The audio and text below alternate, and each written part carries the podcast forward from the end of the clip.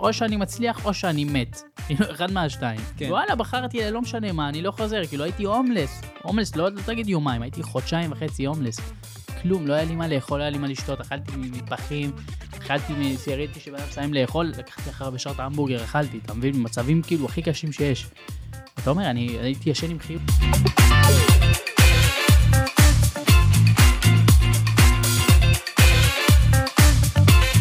ברוכים הבאים לעוד פרק של מרשל בממלכת הרשת. אני איתי מרשל, המוביל שלכם בממלכה מלאת ה מאסטר. הכוכבים, האנשים, הטרנדים, וכל הדברים שבעצם אנחנו רואים היום על המסך, ואני מביא אותם לכאן, ללייב, לפודקאסט מיוחד. והיום יש לי אורח שאני אפילו לא יודע איך להגדיר אותו בהתחלה.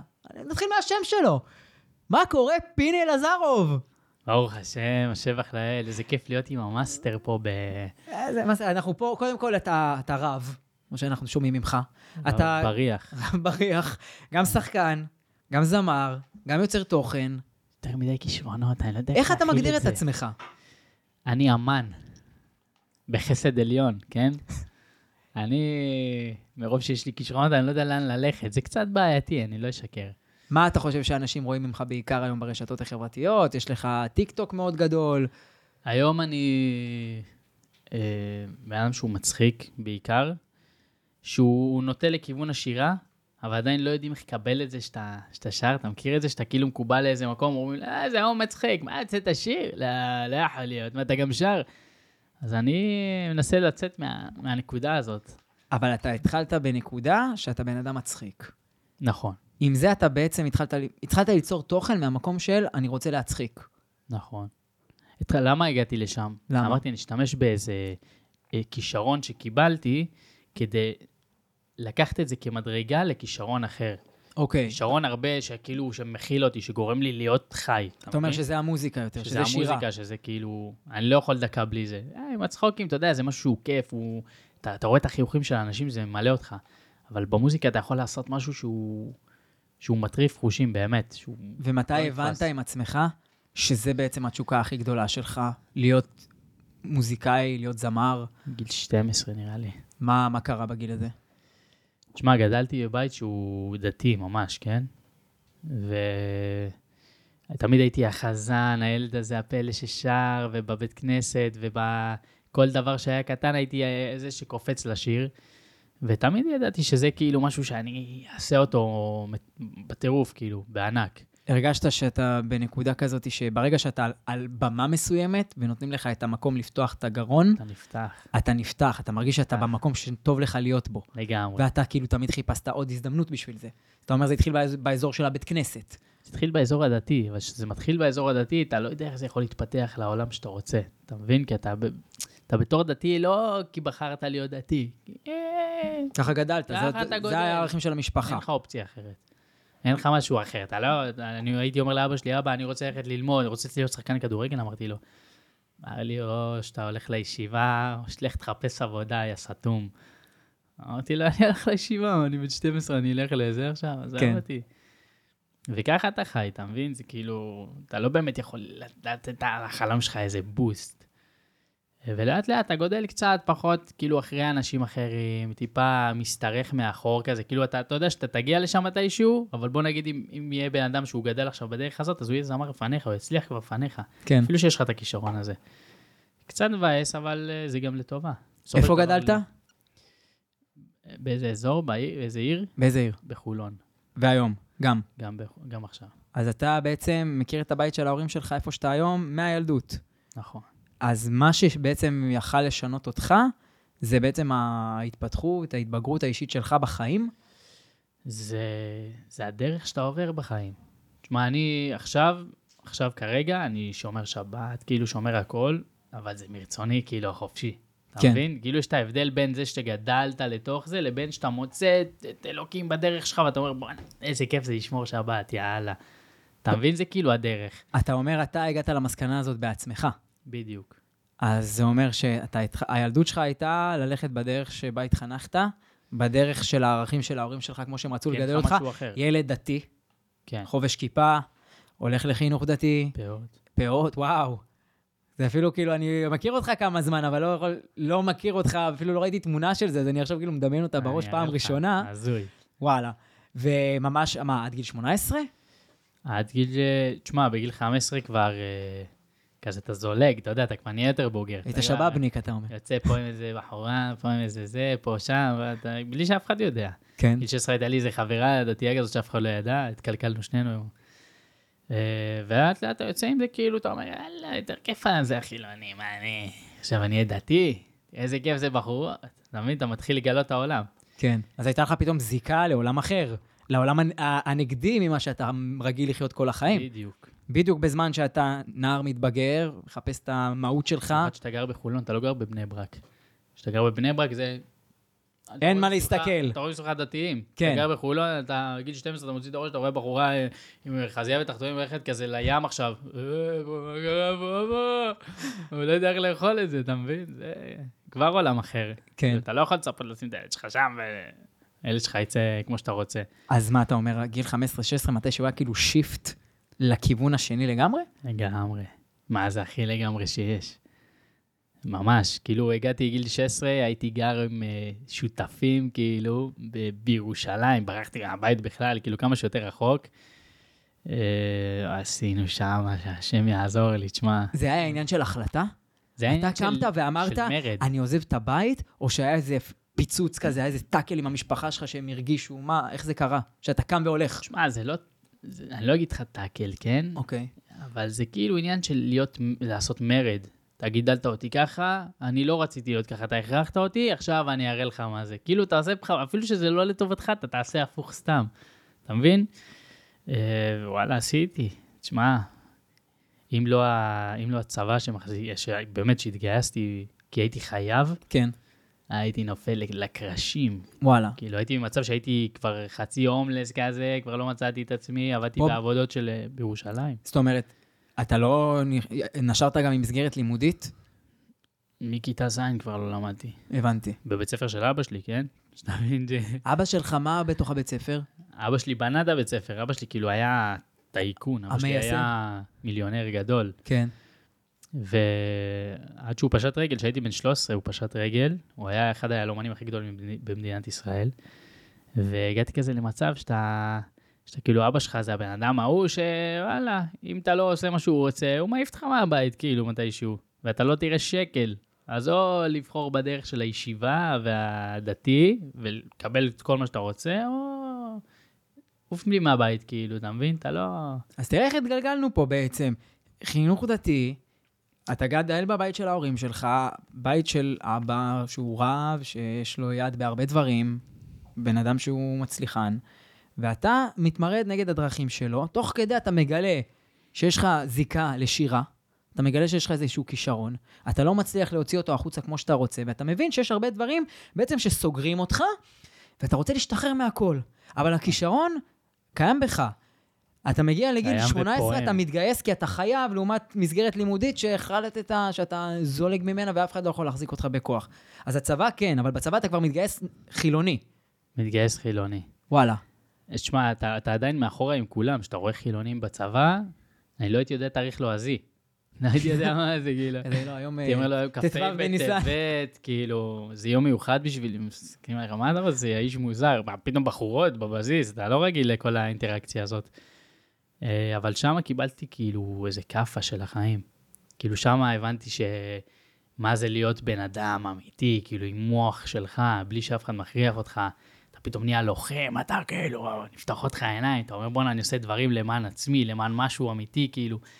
וזה כבר הכניס ל...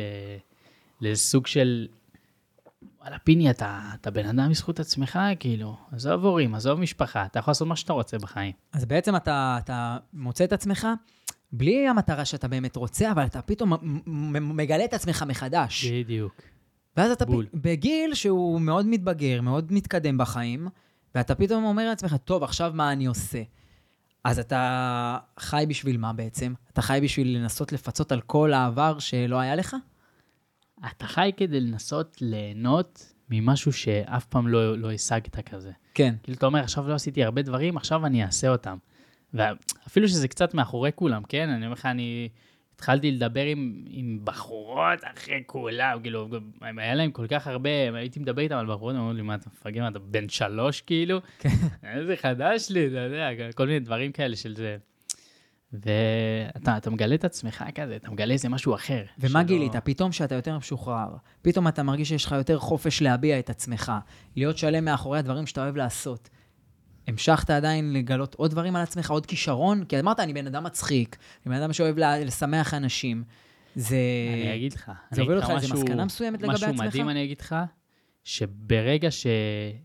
שהתחלתי למצוא את עצמי, גיליתי שאני יכול להיות שחקן. פתאום ראיתי שאני באמת כאילו, תמיד ידעתי שאני כאילו המצחיק של החבורה, וזה פתאום אתה נהיה, אתה מתפתח, אתה, אתה הולך ללמוד משחק, אתה הולך לעשות ככה, אתה הולך, פתאום אתה מוציא מכל מקום שלך, אתה מוציא את הכישרון החבוי הזה, שאף פעם לא, לא היה לך אפשרות לעשות עם זה משהו במקום שהיית נמצא בו. פתאום אתה נפתח, אתה עושה מלא צחוקים, הייתי יושב, ואני אומר לך, אנשים היו מקיפים אותי, הייתי יושב, פעם ישבתי ב... בכלא 6. הייתי שם, עשיתי איזה סירוב פקודה מטומטם, לא הבאתי למפקד שלי, שניצל. הייתי, זה, אחרי שנתיים בצבא, אמרתי, די, נמאס לי, לא רוצה להיות לוחם יותר, אני מתנהגים אליי כמו, לא יודע מה פה, אני הולך להיות טבח, עושה שבוע-שבוע, תשחררו אותי. יאללה, הוריד אותי למטבח, כנראה לא הייתי לוחם משהו, ככה אפשרו לי בשנייה. אני זוכר, נכנסתי לכלא 6, המפקד בא אליי, אמר לי, כאילו, תביא שניצל, אמרתי לו, לא מביא לך שניצל, ימות העולם. פה לשם הכניסתי לכלא שבוע, על זה. אני אומר לך, אני יושב עם אנשים, הגעתי לכלא 6, פתאום אני... כן, היה רעב. כן, מה אכפת לי? אין לי מה לעשות לחיילים שלי, אמרתי לו. אמרתי, קיצור, נכנסתי לכלא, פתאום אני, אני מתחיל לדבר כזה עם אנשים, אף אחד לא מכיר אותי, פתאום אני רואה איזה חבורה של איזה 30 איש מסביבי, ואני רק מספר בדיחות, ופה ושם, ומסתלבט על כולם. פתאום אני רואה חבורה של אנשים צוחקים, אמרתי, בואנה, אני כריש, אני... איפה זה יהיה מוכבד היום? כאילו, פתאום אתה, אתה נפתח, אתה מבין שיש לך איזה משהו שהוא לא, לא ידעת את זה עד היום. כאילו, לא, לא פתחת את זה יותר מדי, כי וואלה, היו משתיקים אותי בבית שלי, כאילו, לא, מה, לא מתאים, לא, זה, לא. אז אתה אומר שהכלא עשה לך טוב. אל תלמדו, ילדים. וואלה, זה לא הכלא, זה ה... כאילו, החוויה הזאת. הסוג של חוויה של, ה... של הצבא שהיא משחררת אותך. כאילו, אני תמיד אומר לאנשים, לך תתגייס, תהיה לוחם, ישבור לך את כל המוסכמות, זה ישבור לך, אתה מבין? יוצר לך דברים שאתה כבר לא... אתה, אתה לא ידעת שקיימים בך. ואיפה? היית גר בתקופה של הצבא? הייתי גר אצל. אצל ההורים, כאילו, היה לי איזה... הספקת די- לחזור אליהם. די עשינו כזה סולחה כזאת חזקה, וזה, פחות דיברתי עם אבא שלי כל כך, אבל אמא שלי הייתה אהבת חיי, היא הייתה אין, אמא לא יכולה. להפסיק לאהוב את הבן שלה. לא יכולה לסגור בפניו. את הדלת. ממש. תשמע, אני, אבא שלי ראה אותי מהחלון, מה זה האיש הזה, מי זה? למה הוא חוזר לפה? לא שלחנו אותו מפה? חוזר להם מזוודות כזה, סגרי את הדלת, שלא ייכנס לפה זה. אבל היה, ברוך השם, אחרי זה כבר נהיינו, תשמע, אנחנו משפחה מאוד מאוחדת. זה שילד פה הלך לפה, אה, הלך לשם, בסוף חזרנו להיות אה, מלוכדים. מקשה אחת, אחי. אז וואלה, חזרתי, כן, הייתי בבית של ההורים, וזה, כל הבעיות שלי, הם עזרו תמיד. אה, וזהו, ואז בחרתי כאילו, לא יודע אם זה...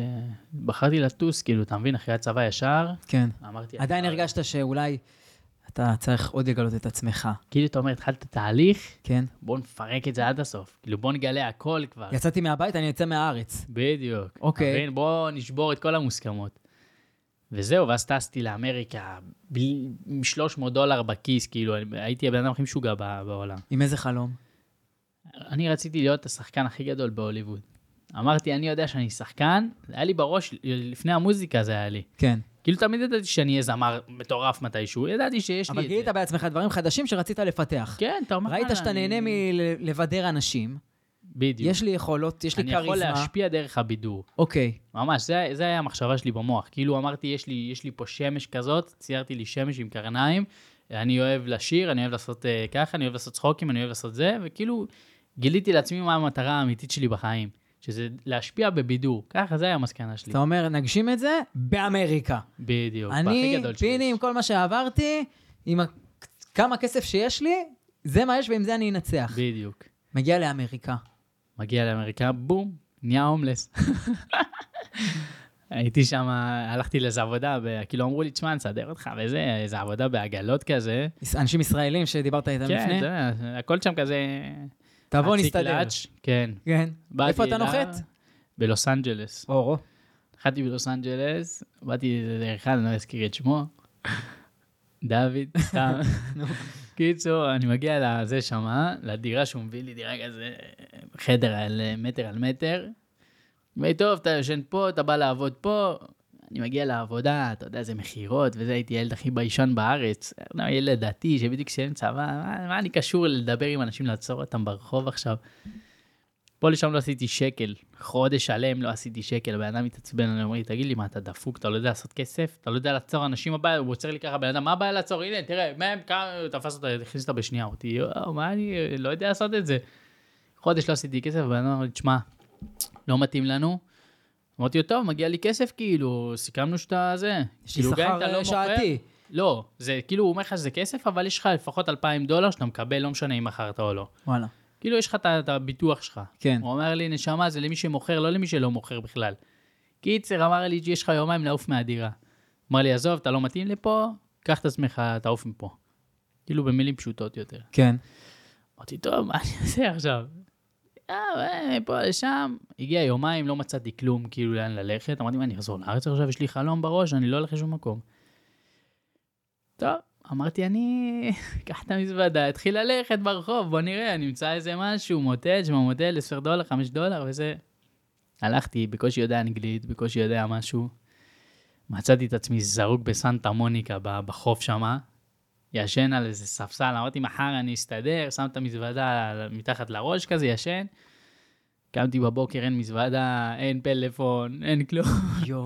שדדו אותך תוך כדי שאתה יושן ברחוב. נראה לי זה היה המתנה הכי גדולה שהם קיבלו בחיים שלהם. אני בא, אני ישן, אני קם בבוקר ככה, אני רואה אין לי כלום בזה, אמרתי, וואי, וואי, מה אני עושה עכשיו? אני מחפש יהודי, אני לא יודע מה לעשות, אני, כאילו הייתי ממוטט. תשמע, בתכלס, אני עכשיו אספר את זה, זה קל וכיף, כן. אבל uh, הייתי ממש ממוטט, כאילו, הייתי במצב שזהו. Uh, התחלתי לחפש שם יהודים, פה ושם, לא מצאתי כזה בזה, מצאתי שם איזה בית כנסת, אמרו לי, פתח בארבע, בינתיים התחלתי ללכת לחפש עוד אתה אומר, אין מה לעשות, אבל לפחות יש בית כנסת, פה אני מרגיש בטוח. תשמע, יש לך, אתה יודע מה, מה הכיף שם, אחי? יהדות, כל מקום שאתה תראה חבדניק, משהו, הוא יסדר אותך, אחי, הוא יסדר... לך לחבדניק סתם, תהיה פצוץ, אחי, זקן ככה, מעוך כולך, מה אתה צריך, רבנו, בוא אני אקח אותך, הוא יעזור לך בהכל, אתה מבין? שזה מה שאני אוהב בעם שלנו. כן. לא משנה כמה רביעים, ימין, שמאל, לא משנה מי אתה. יראו אותך, יעזרו לך, לא משנה מה. גם אם אני הכי ימני, נגיד, בעולם, והבן אדם הכי שמאלני שיש, יראה שאני צריך עזרה, הוא יעזור לך. אתה מבין? הוא יעזור לך כי הוא... הוא לא יודע, זה מין אחדות יש, יש כזאת. אחווה מסוימת, יש איזה קירוב. לבבות כזה. בעם שלנו. משהו הזוי, שזה מדליק אותי רצח. בגלל זה החלטתי לחזור גם לארץ אחרי זה. ואנחנו נגיע לזה. אז מה הייתה החוויה הכי גדולה באמריקה? כאילו, הצלחת למצוא את עצמך עולה מהרחוב. אנשים, למקום יותר נורמלי, נקרא לזה? כן, גם בזכות, בזכות המוזיקה שלי.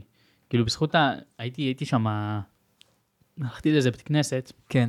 אחרי שכמה אנשים עז- עזרו לי ממש, אחד אה, מוכר שקוראים לו אסף גורן, שהוא ממש ממש עזר מה, לי. זכה באח הגדול VIP. כן, נכון. הוא בן אדם באמת, שכמו ומעלה, זה לפני שהוא היה בעונה. לפני שהוא היה בעונה. הוא היה אז רקדן ממש חזק, הוא היה רוקד עם בריטני ספירס. כן. ו... אז הוא תפס אותי, הוא ראה שאני במצב מאוד קשה, עזר לי ברמה, אני לא רוצה להרחיב, אבל הוא עזר לי ברמות מפחידות. כל דבר שהייתי צריך הוא היה שם בשבילי, אה, ועוד כמה אנשים מאוד מיוחדים. והגעתי לאיזה בית כנסת כזה, ושם פתאום קראתי להם כזה בתורה, אתה יודע, הייתי כל החיים שלי הילד פלא כזה, כן. התלהבו ממני, אמרו לי, מה, וזה, ו... קיצור, משם התחלתי לגדול. אתה אומר, באמת. הצלחת להוציא יש מאין. אתה אומר, מזל שיש ישראלים שגרים בחו"ל, לגמרי. שיכולתי למצוא מישהו לדבר איתו, שזיהו אותי, שעזרו לי. מצד שני, גם היה לי מה להציע, לך מה להציע מבחינת הכישרון שלך, שהיה שווה לך משהו שהרים אותך יותר. אני מאמין שלכל אחד יש מה להציע. אז אתה אומר, זאת חתיכת חוויה, למדת על עצמך המון, מטורף. ואז מה קרה שאמרת, טוב, יאללה, מספיק, אני חוזר. אחרי, אני אגיד לך את האמת, חזרתי במצב הכי לא נכון לחזור בו, נגיד, לבן אדם. כאילו, אני חזרתי אה, במצב שהייתי בפיק. כאילו, הייתי ארבע שנים באמריקה, ואז הגיעה ההזדמנות הכי גדולה בחיים שלי. כאילו, אמרו לי, טוב, פיני, סיימת בית ספר אה, לתיאטרון. אה, תוך סיימתי כדי אתה לומד שם משחק גם. כן. ו... ויש איזו הצגה שישראלים מרימים עכשיו, שכאילו איזה, יש בחורה שקוראים לה אורי, שהיא הרימה הצגה מטורפת שקוראים לה מבקר המדינה. ויום אחד קיבלתי טלפון, כאילו, מה נשמע וזה, אנחנו ראינו אותך בכמה מקומות, בכמה דברים שעשית, אנחנו רוצים ש... שתהיה חלק מהקאסט שלנו, כאילו, בהצגה. וקיבלתי את התפקיד הכי מצחיק שקיים על, על, בכדור הארץ, כאילו, באמת, זה הדבר הכי מצחיק שיש. ופתאום עשיתי הצגה, 12 הצגות עשינו, בכל לוס אנג'לס, ואז הציעו אותנו לניו ג'רזי ומיאמי וניו יורק, כאילו דברים מטורפים, וכל העולם היה, כל האנשים הכי מפורסמים באמריקה היו בהצגה. מה זה, פיני, ממש, סבן, ממש רוצה. נשמת אהבה כוכבים. נשמתי, כאילו, מזה נשמתי? שנשמת את האבק על המדרכה, literally, פתאום אתה במקום אחר, במדינה אחרת, מצליח להגשים את עצמך, לעשות דברים לא קל, שחלמת אבל, אה, לעשות. לא קל זה בטוח, אבל יש פה כזה שינוי אקספוננציאלי בהצלחה שלך ובערך העצמי שפיתחת עבורך. לגמרי. מה שיש לך מטרה ואתה באמת הולך אליה, כלום לא יעצור אותך. לא כסף, אחי, לא, לא שום דבר, ש... שום דבר, יש לך מטרה, לך אליה עד הסוף, אל תשים לך משהו אחורה. אני אישית, היה לי אפשרות לחזור לארץ. באותו רגע שהגעתי לארץ, אני זוכר מישהו אמר לי, שרוף את כל הקשרים מאחוריך. אין לך אופציה אחרת, או שאני מצליח או שאני מת. כאילו, אחד מהשתיים. כן. כן. וואלה, בחרתי, לא משנה מה, אני לא חוזר, כאילו הייתי הומלס. הומלס, לא, לא תגיד יומיים, הייתי חודשיים וחצי הומלס. כלום, לא היה לי מה לאכול, לא היה לי מה לשתות, אכלתי מפחים, אכלתי, ראיתי שבן אדם מסיים לאכול, לקחתי אחריו ישר את ההמבורגר, אכלתי, אתה מבין? במצבים כאילו הכי קשים שיש. ואתה אומר, אני הייתי ישן עם חיוך, הייתי ישן על ספסל עם חיוך. כאילו הייתי אומר, אתה אומר, אני לא אחד אני מוותר. מספר את זה. אני אומר, הנה, אני מספר את זה. fucking פודקאסט של איתי מרשה על המאסטר. אתה מבין? כאילו, אני, אני במקום מטורף, כאילו, ואני אומר, וואלה, אני אשכרה מספר לאנשים עכשיו שאני ישנתי על ספסל. יכולת להיות עכשיו במקום הרבה יותר גרוע. פי מיליארד. פי מיליארד. בהרבה, כאילו, באמת, אני... יכולת להישבר מודה לזה. מבפנים. אתה אומר, לא, זה לא הולך, ולאן הגעתי, וכנראה החיים שלי לא יועדו להצלחה שאני מאחל לעצמי. לגמרי. אולי השליתי את עצמי כל הזמן, ואני יכול ליפול עכשיו, אה, לא יודע מה לעשות עם עצמי, אולי לגמור את החיים שלי חס וחלילה. ולא, אתה כל פעם קמת, וזה מה שאנשים גם צריכים להבין, שההצלחות בחיים לא נמדדות לפי מה שאנחנו מציגים עכשיו, שנראה בעינינו או בעיני אחרים כהצלחה. הנה, כבשתי עוד פסגה, הנה אני גם פה. אלא כולם צריכים להבין, לא משנה איפה הם נמצאים, ואני מאמין ש, שכל אחד שעושה דברים, כי גם אני היום פה, מבחינתי זאת הצלחה. אתמול היה קושי, מחר גם יהיה קושי. החוכמה בסוף, ההצלחה האמיתית היא שלנו, שאנחנו מצליחים להתגבר על הקשיים, להמשיך לעשות את מה שאנחנו חושבים שנכון, כדי להתקדם ליעדים שאנחנו מציבים לעצמנו, ולא להישבר באמצע. לגמרי. כי החיים כל הזמן נותנים לנו בעיטות ואגרופים לצלעות, ואנחנו צריכים לקום ולהגיד, נכון, אבל אני חזק ואני מצליח בזה שאני קם מזה, ולא נופל מזה עוד יותר. לגמרי, תחשוב על זה, אחי, אם אתה לא קם, אתה נשאר למטה, אחי, תקעו, אולי תעוף לירח, אתה מבין? כן. אני אומר את זה הרבה פעמים, וזה באמת מדהים. תשמע, אנשים כאילו, הם מפחדים, אחי. אין להם, כאילו, אומרים, אני אצא מהאזור נוחות הזה, אני לך תדע מה יהיה, מה... בוא נצא, תחלום, מה אתה? באת לעבוד בשביל 30 שקל לשעה? מה, אתה עושה צחוק ממני? אז אתה, תחלום. אתה בהצגה הזאת בעצם, מבקר המדינה, אתה אומר, יש פה טור, אתה מופיע בכל מיני states בארצות הברית, זה כנראה הולך משהו להתגלגל ברמה עולמית, ואתה עוזב את זה? בדיוק אחרי שסיימתי את ההצגה, הציעו לי הצעה מנטפליקס, איזה אודישן. מישהי ישראלית שהיא מלהקת שם, אמרה לי, תשמע, אתה שברת אותי בהצגה, אני חייבת שתבוא. עכשיו הייתי בלי green card כאלה, אתה יודע. אה, עניינים בירוקרטיים. אמרתי לה, תשמעי, אני כאילו בזה שלי, אני, אני אחשוב את זה. אני אני מחזיק עכשיו חתונה, עניינים. כן, כי זה יש תנאי מסוים שאתה צריך לעמוד בו בשביל שאתה תוכל לעבוד כן. שם. אז זה קצת היה מאוד בעייתי, ואמרתי, טוב, ופתאום התחילה הקורונה. ובדיוק כשהתחילה הקורונה, פתאום הגעתי לאיזה מצב שאני אומר לעצמי, טוב, יש לך פה... משהו שתי- לא טוב קורה בעולם. כן, היה- לא אכפת לי, ידעתי שזה בא לטובתי, אמרתי, אני קורונה, אני הולך לנצל את זה. כל דבר שקרה, אני חושב שכל נפילה שקרתה אי פעם לי, תמיד ניצלתי את זה לטובה. תמיד אמרתי, איפה אני רואה פה את הצד החיובי יותר. כן. אתה מבין? זה דרך חשיבה שאם אתה לוקח אותו, הוא מעיף אותך. אז כאילו, הגיעה הקורונה, אמרתי, טוב, אני עושה עכשיו יתרונות חסרונות, איפה יותר טוב לי, בארץ או בלוס אנג'לס? כאילו, איפה אני הולך עכשיו? כאילו, בארץ יש לי את אימא שלי, שאני התגעגעתי לארבע שנים, לא ראיתי אותה, לא ראיתי את המשפחה שלי, בקושי אני מדבר איתם פה ושם, אני בן אדם שהוא... אני לא מדבר בטלפון בכלל, זה היה הדבר הכי בעייתי, הייתי מתקשר לאימא שלי פעם באיזה שלושה חודשים. ואמרתי, בוא'נה, אני מתגעגע לארץ, אני רוצה, אני רואה שאני מצליח, אני רואה שיש לי כישרון. למה שאני לא אעשה את זה בארץ? כאילו, מה אני צריך להשפיע על איזה כמה אמריקאים שיש להם פה מיליארד אנשים פסיכיים, כאילו, בוא נלך לארץ, אני אהיה הבן אדם הכי תותח בארץ, אני אשפיע על כל ילד וילד, כאילו, אני יכול לעשות שינוי מטורף בעולם הזה, אז אתה אומר, במדינה שלנו. קיבלת ביטחון לגבי היכולות שלך, עשית דברים, אתה אומר, אני אגיע לארץ, יש קהל. קטן יותר, של אני יכול באמת להתבלט בו. זה לא הקטן, אני- הקטן לא אכפת אני לך. ישראלי, לא, קהל יותר מצומצם, מבחינת לא- ההיקף של, לא הכמות של האנשים. לא דווקא בגלל המצומצם, זה דווקא בגלל שזה העם שלי. אוקיי. כאילו... יש לך אזרחות פה, אתה לא חושש שאם מחר יזרקו אותך מהמדינה הזאת. אבל זה לא בגלל זה. אז מה- אני יכול להשיג מסמכים באמריקה. אוקיי. מה אני רוצה? אני רוצה לשנות משהו במדינה שלי. אה, מה אכפת לי מאמריקה? אז אתה חזרת לארץ כאילו מתוך שליחות. באמת שזה מתוך שליחות. כאילו, אני מרגיש שאני אני באתי לשנות משהו. כאילו, אני אומר, וואלה, אני כל דבר שאני אעשה, אתה יודע מה, מה, מה גרם לי להבין את זה? שהתחלתי לעשות את הטיק טוק. אז הגעת לארץ, קורונה פה, סגרים, אתה בבית עם ההורים, לא יודע מה זה טיק טוק. לא יודע מה זה טיקטוק. אין לי מושג. אוקיי. חשבתי זה אפליקציה לילדים בני שלוש לא וחצי. היית עושה דברים ברשתות לפני זה. כלום, לא ידעתי מה זה בכלל. אני אומר לך, לא... הדבר היחיד שראיתי אי פעם זה היה סרטונים כאילו של, אתה יודע, לפני 200 שנה, שר קליזו, כאילו, זה מה שהייתי רואה. כן. וזה בקטנה, לא הוולוגים שלו, פעם, פעם, סרטונים שהוא עושה בצבא. ו... מפה לשם אני הגעתי למצב שכאילו אמרתי, טוב, בוא נראה מה זה הטיקטוק הזה, אני יודע מה, אני- שחקן, אין עכשיו כל קורונה, הכל סגור, בוא נראה מה זה. נכנס, ראיתי כמה אנשים, כמה דברים, אמרתי, בואנה, אני עושה את זה פי עשר יותר טוב, את זה אני עושה גם יותר טוב. אמרתי, בוא ננסה. שמתי איזה מגבת על הראש, עשיתי איזה סרטון, כאילו בעל ואישה, בא לשם, פתאום אני רואה, אני מסתכל יום אחרי, רואה איזה 200 אלף צפיות. אתה אומר, "מה הלכת, זה?" הלכת על הטרנד הזה של האישה עם הגבת, ואתה הגבר, ואז אתה שתי דמויות? בדיוק. אוקיי, יפה. עשיתי איזה משהו כזה, כאילו איזה דיאלוג ביניהם כזה, והם, זה היה כאילו הדבר, באמת, זה היה מצחיק ממש, ועדיין לא ידעתי לשחק עכשיו ל- לטיק טוק. כן. אה, למדתי תיאטרון, לא למדתי עכשיו אה, טיק טוקיה. כן. התחלתי, פתאום אני רואה שזה תופס ותופס ותופס, אמרתי, אוקיי, זה כאילו מגניב.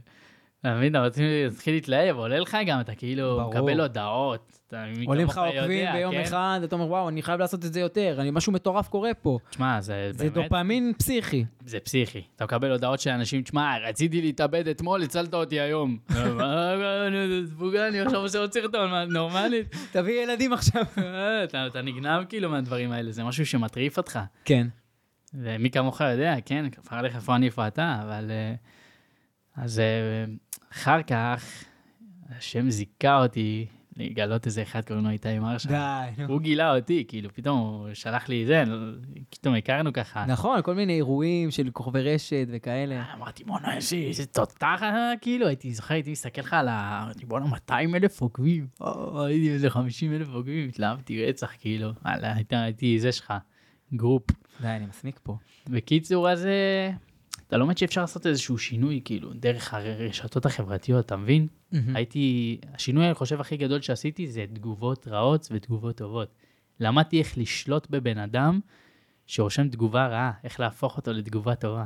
וואו. זה היה הרגע השיא שלי בחיים, אני מה חושב. זה עד אומר? מה, אתה- אנשים שהיו מגיבים דברים רעים, הצלחת לגרום להם להגיב דברים טובים? בדיוק. זה כאילו, זה היה, היה לי, היה לי כישרון מטורף לזה. כאילו הייתי, לימדתי את זה אנשים, שתדע, ממש לימדתי את זה, אני זוכר, לימדתי בוא, את זה, בוא תלמד אותנו פה, למי שצופים. בוא אני ש- אלמד אתכם שמרגישים שיש להם את היצר הזה להגיב משהו שלילי, איך בסוויץ' להגיב משהו חיובי? אני אגיד לך יותר מזה, מה גורם לרשום תגובה שלילית? הרי אין, אין בן אדם ש... שהוא רע, נכון? כן. יש את הדבר הזה, אין בן אדם שרע, יש בן אדם שרע לו. עכשיו, מה גורם לבן אדם לרשום תגובה שלילית? קנאה. לא דווקא. חשיפה. תמיד תראה. בכל סרטון, התגובה הרעה תמיד ראשונה, אם תשים לב. כי אנשים אוהבים לראות שמישהו בחר לקחת את הצד למה? השלילי, וכאילו לחזק אותו, כי אולי הם גם חשבו ככה. או, זה אחד הדברים שהכי תמיד נכון. קשים לי, אני אומר לעצמי, אם אני ארשום עכשיו תגובה רעה, לא שאני באמת ארשום, אתה תקבל אבל, יותר. אבל הפנים שלי והשם שלי יהיו צמודות לקונטקסט שהוא שלילי, ואז מה שאני כותב זה מה שאנשים יחשבו עליי. בוא, אנחנו רואים אנשים שכותבים תגובות רעות, רובם הם אנשים שהם לא בהכרח יוצרי תוכן, או אנשים שמתחבאים מאחורי תמונת פרופיל שהיא לא שלהם, או איזה שם בדוי. אז אתה אומר, האנשים האלה, אתה אומר, לא רק קנאה, זה גם, הם רוצים לקבל חשיפה כאילו? האמת שזה נטו זה, הם רוצים יחס. יחס. יחס נטו. עכשיו, מה אני עשיתי? אני עשיתי משהו כזה, אני הייתי, הייתי ממש מכור לטיקטוק באותה תקופה. הייתי כאילו בן אדם שהייתי מקבל אלף תגובות לסרטון, שזה פסיכי לקבל אלף כן, תגובות כן. על כל סרטון. ממש. קיבלתי אלף תגובות על כל סרטון, הייתי יושב דקה, דקה, שעה, שעה, יום, יום, ומגיב לכל תגובה. אני לא זוכר אם אתה זוכר את זה שהייתי מגיב לכל תגובה, עד היום אני מגיב, כן? אבל אלף תגובות הייתי יושב עד שהטיקטוק היה חוסם אותי מלהגיב. וואו. הוא היה אומר לי, אתה לא יכול להגיב יותר, כאילו, אתה- במצב כזה. הייתי כאילו מגיב לאיזה אלף תגובות ביום, ואז הוא היה, כאילו, כבר לא הייתי יכול. עכשיו, מה הייתי עושה? נגיד היה תגובות רעות, אז אליהם לא הייתי מתייחס אף פעם. כאילו, תמיד הייתי מתייחס רק לתגובות. עכשיו, מה בן אדם עושה? בדרך כלל, כל בן אדם שאני רואה, יש לו 200 תגובות טובות, ותגובה אחת רעה, נגיד. סבבה? אז הוא רואה מלא תגובות טובות, אבל אז איזה מישהו עצבן אותו שם, אז הוא עונה לו.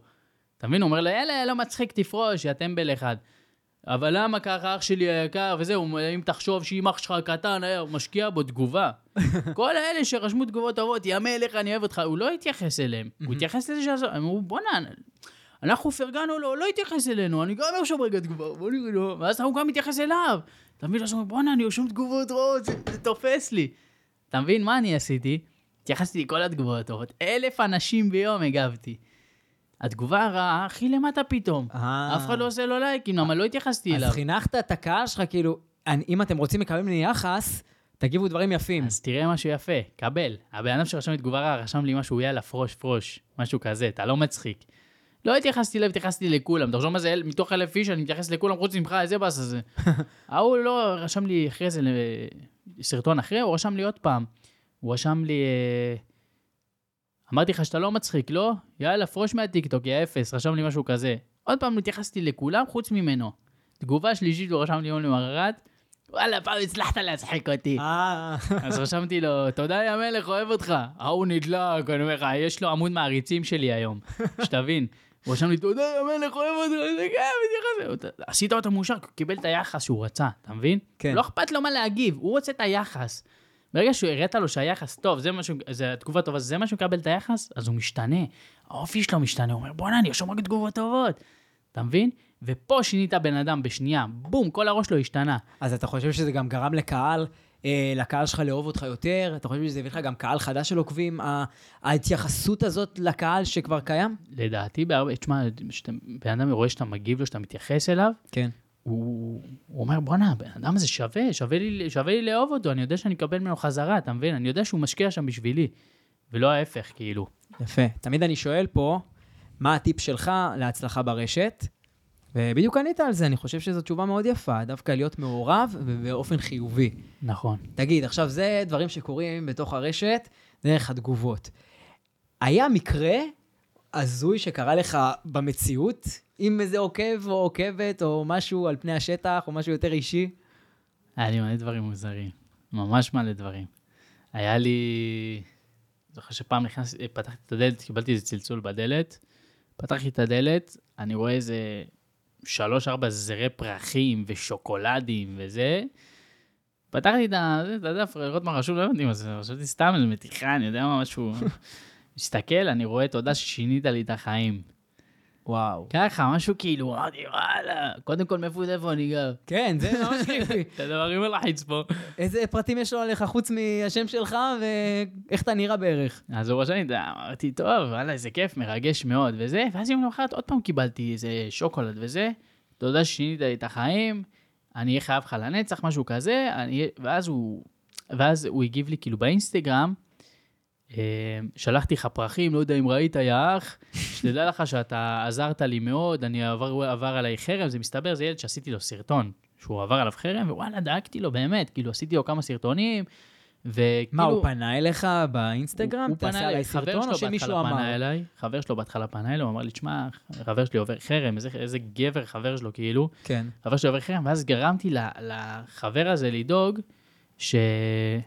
שכאילו, ה... אני חבר הכי טוב של זה שעובר חרם, תמיד שלחתי להם סרטונים, שכאילו, מה קורה, אח, מתי יוצאים היום? כל מיני כאלה שכאילו, בואנה, וואו, גבר איזה, וואלה, מכירים אותו, אתה מבין? והוא אמר לי, שזה שינה לו את החיים, כאילו, מדהים. איזה השפעה. ממש. איזה זכות, אה?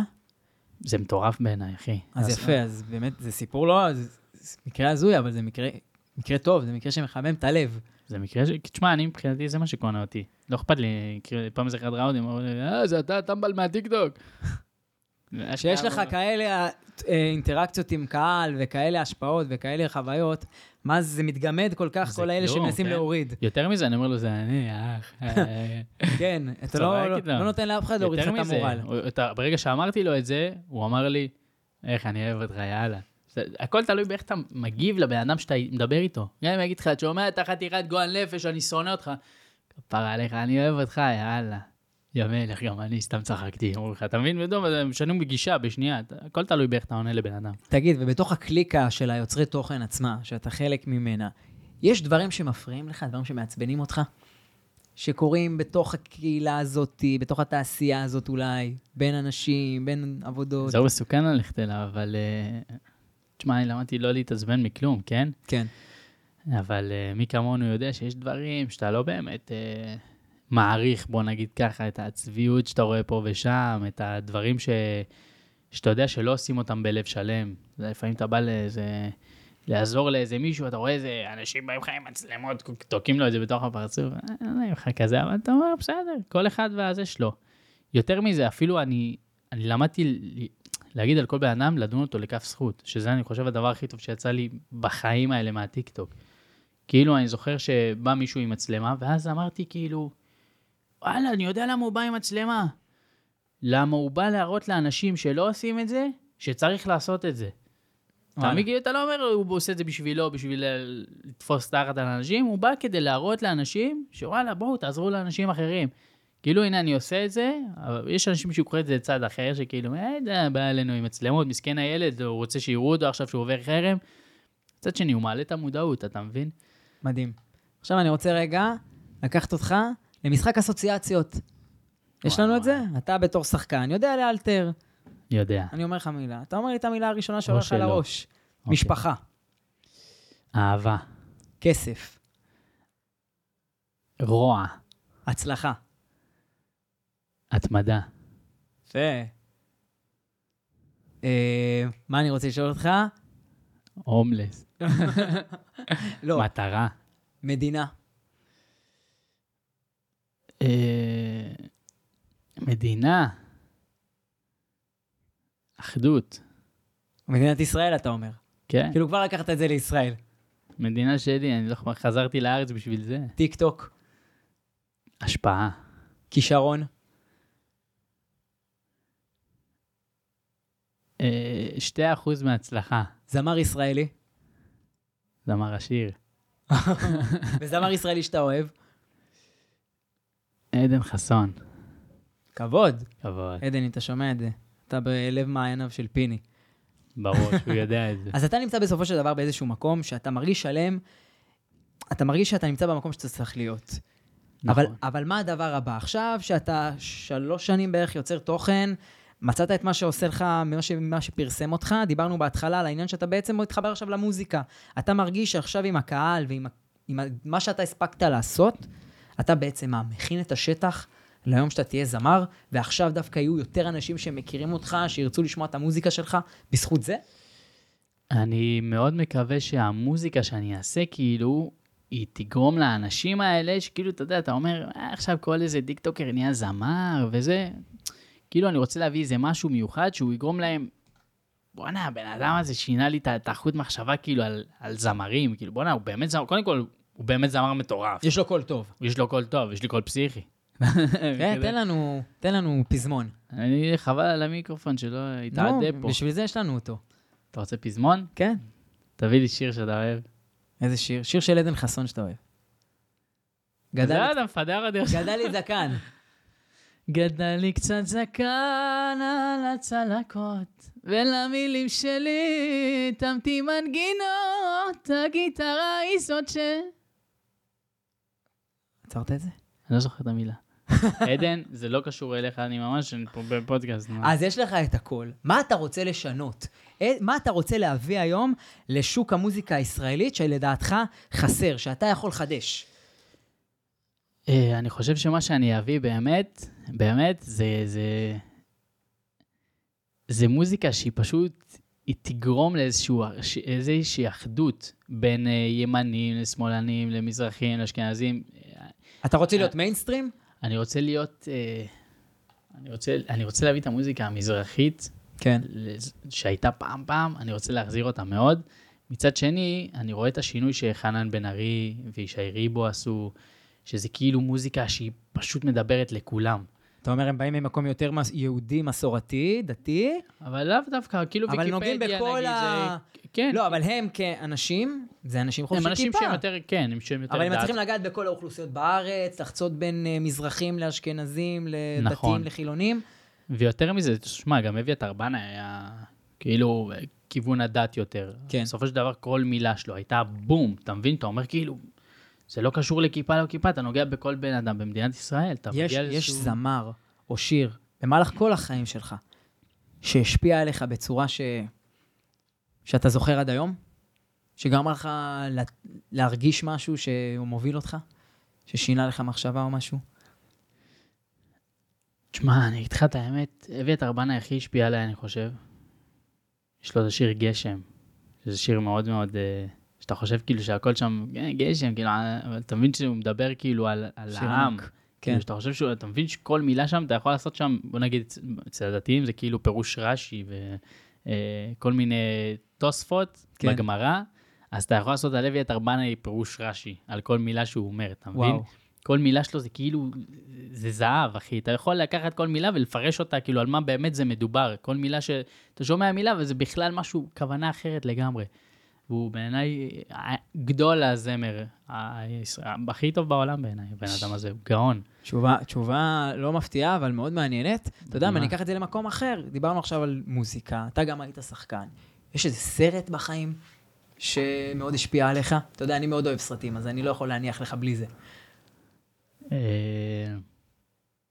תשמע, אני לא, אני אוהב סרטים, כן? אבל אף פעם לא הושפעתי ממשהו, תמיד הושפעתי רק מהאנשים. דווקא מהאנשים. או אולי איזה שחקן שראית אותו בסרט מסוים? לא, אני השפעתי מאנשים שהם, שעברו איזושהי דרך דומה לשלי. כאילו יש... יש, יש שחקן, קולנוע, שהשפיע עליך באיזושהי דרך? היה איזה כן. סיפור עם מישהו פעם. שסיפרת לי, נראה לי, אני לא זוכר, אבל אולי תזכיר לי את זה עכשיו. היה עם אסף, אני לא זוכר מה... אה, היה עם ארנולד שוורצנגר. ארנולד שוור... מה היה עם ארנולד שוורצנגר? לא סיפרתי לך את זה? ספר. היה, אנחנו קוראים לי פיני. כן. וכשהגעתי לאמריקה, אמרו לי, what's your name? אמרתי לו, אמרתי פיני. אמרו לי, פינס? אחר כאילו, מה קורה עם השם הזה? מה זה? מי קרא לך ככה? אתה מבין? זה שם הכי לא נורמלי שיש, כאילו, באמריקה. אמרתי, אה, my name is פיני, ואז שיניתי אותו כזה לשון. שון. אמרתי, אה, אני ישראלי, שיחשבו שאני חלק מהם, אמרתי, קוראים לי שון. ואז אה, פגשתי איזו בחורה מדהימה, כפרה עליה, קוראים לה עידן, והיא בחורה כל כך מיוחדת, שהיא אמרה לי, אני רוצה לפגוש את ארנולד שוורצנגר, אני, היא כאילו הייתה, היא ראפרית כזאת, והיא אמרה, אני רוצה לעשות קליפ שארנולד שוורצנגר נמצא בו. אמרתי בקטנה. לה, איפה תלכי, איזה... קיצור, היא משוגעת, חבל על הזמן, והיא ראה איפה ארנולד שוורצנגר מתאמן. היא אמרה לי, חמש בבוקר, אנחנו בסנטה מוניקה, ב... זה חדר כושר כזה, קוראים לו המקה של החדר כושר, זה כאילו החדר כושר הכי מפורסם בעולם. וואו. ו... והלכנו שם כזה בחמש בבוקר, אמרתי, יאללה, נזרום איתך סתם לכיף, כן, מה אכפת לי? הגענו בחמש בבוקר, הגענו לחדר כושר שם, והיא אומרת לי, יאללה, בוא ניכנס. עכשיו, אתה לא באמת יכול להיכנס. היא שיחקה אותה עשירה כזאת, היא נכנסה ככה, אני מאחוריה, Hello, we came to see the gym here. היא אומר לה, סבבה, בואי תיכנסי. אנחנו נכנסים, אנחנו רואים ישר מולנו את אה, ארנולד שוורצנגר מתאמן. אה, בן 70 עושה שם כושר, מימין אני רואה את מייקל אוהורן, שזה היום מר עולם נראה לי, או משהו כזה. כן. מצד שמאל ראינו את אה, אה, ג'יימס מזלו מביג טיים ראש, וואו. אם ראית. להקה גם, לא? כן. גם להקה, גם סדרה, אוקיי. וקיצור, ראינו מלא פורסמת, הוא אומר, מה הולך פה וזה, היא אמרה לי, אנחנו מחכים רק לארנולד שוורצנגר. אמרתי, סבבה, הגענו לפה, אנחנו כבר נדבר איתו. חיכינו שהוא יצא, יצאנו ישר אחריו, הוא יוצא עם אופניים חשמליות כאלה ענקיות. אז היא אומרת לו, ארנולד, ארנולד, עצרה אותו, עצרה אותו, התחילה לדבר איתו. התחילה להגיד לו, מי, אה, אני אמרתי, אני אחכה לרגע הנכון, אני רוצה לשאול אותו שאלה. אמר, הוא אומר, באתי לו, אמרתי לו, how are you, big fan. אז הוא אומר לי, thank you, thank you, הקול שלו האוסטרי הזה, ואז אה, אמרתי לו, הוא אומר לי, what's your name? אמרתי לו, שון. הוא אומר לי, what's your real name? די. ישר זיהה. ישר הוא אומר לי, אה, שון, הוא אומר לי, מה, מסתלבט עליי? אז אמרתי לו, פיני. הוא אומר לי, good name, don't change it. אז אמרתי לו, no, I- אני רוצה לשנות אותו, כאילו, אמרתי, I want to change it, know, זה לא... אתה לא יכול להתפרסם ככה. אז הוא אמר לי, what's my name? אמרתי לו, ארנולד שוורצנגר. הוא אמר לי, תגיד את השם משפחה שלי עשר פעמים רצוף, אתה מקבל 100 שקל. אמר לי, אתה יודע כמה דברים עברתי עם השם שלי, אף אחד לא רצה אותי רק בגלל השם. הוא אמר לי, אני אמרתי, אני אגרום לשם שלי להיות אגדה. כל העולם יכיר את השם שלי, הוא אמר לי. תעשה אותו דבר, אני סומך עליך. מאותו יום, אמרתי, וואלה, אני לא רוצה לדבר על כלום, כל מי שיגיד לי על השם שלי משהו, שילך, לא יש, לי- יש לי את הגב של ארנולד שוורצנגר. אשכרה, מה, אתה יודע איזה מטורף זה? אני אומר לך, אנשים שואלים אותי, כאילו, עכשיו לפני כמה ימים דיברתי עם איזה זמר, שהוא ענק, הוא באמת, הוא מטורף, לא אגיד את שמו, הוא גם דיבר איתי, הביא לי קצת עצות על איך להצליח, ואז הוא אמר לי, אתה אתה בטוח שזה השם במה שאתה רוצה, פיני אלעזרוב? אמרתי לו, זה השם. הוא אמר לי, אני שיניתי את השם, אני אומר לך, כדאי לך גם, אתה לא תבין בכלל את ההבדל. אמרתי לו, לא מעניין אותי. אמרתי לו, אתה יודע מי זה ארנולד שוורטנגר? קיצר, הבנתי שהמשמעות של השם שלך, זה המשמעות של ההצלחה שלך. ברגע שאתה תצליח עם השם הזה, אתה תהיה שלם עם הצלחה. ברגע שהצלחת עם אה, שון אה, דיווידסון, אז יגיד, וואלה, זה לא הוא באמת, אבל הוא שינה את השם, אתה תרגיש עם עצמך כאילו אתה הצלחת בגלל, ש- בגלל שאתה מישהו אחר, שאתה שון, אתה לא פיני, אתה לא בן אדם שוואלה, בא לך להצליח איך שאתה, בא לך לעשות חותם, אתה מבין? שלוש שנים, אתה איפה שאתה נמצא עכשיו, גם הוצאת סינגל, נגעת כבר במוזיקה יותר. נכון. איפה אתה בעוד חמש שנים? עוד שנה וחצי אני מנורה, אני לא יודע אם חמש שנים. שנה יש כאלה שאומרים אני- חמש שנים. אתה אומר, חמש שנים שאני שואל אותך, אתה אומר זה של שנה וחצי מעכשיו. תשמע, על הדף שלי ב- ב- בחדר שלי, אתה, לא יודע אם ראית, אבל יש את המטרה כבר.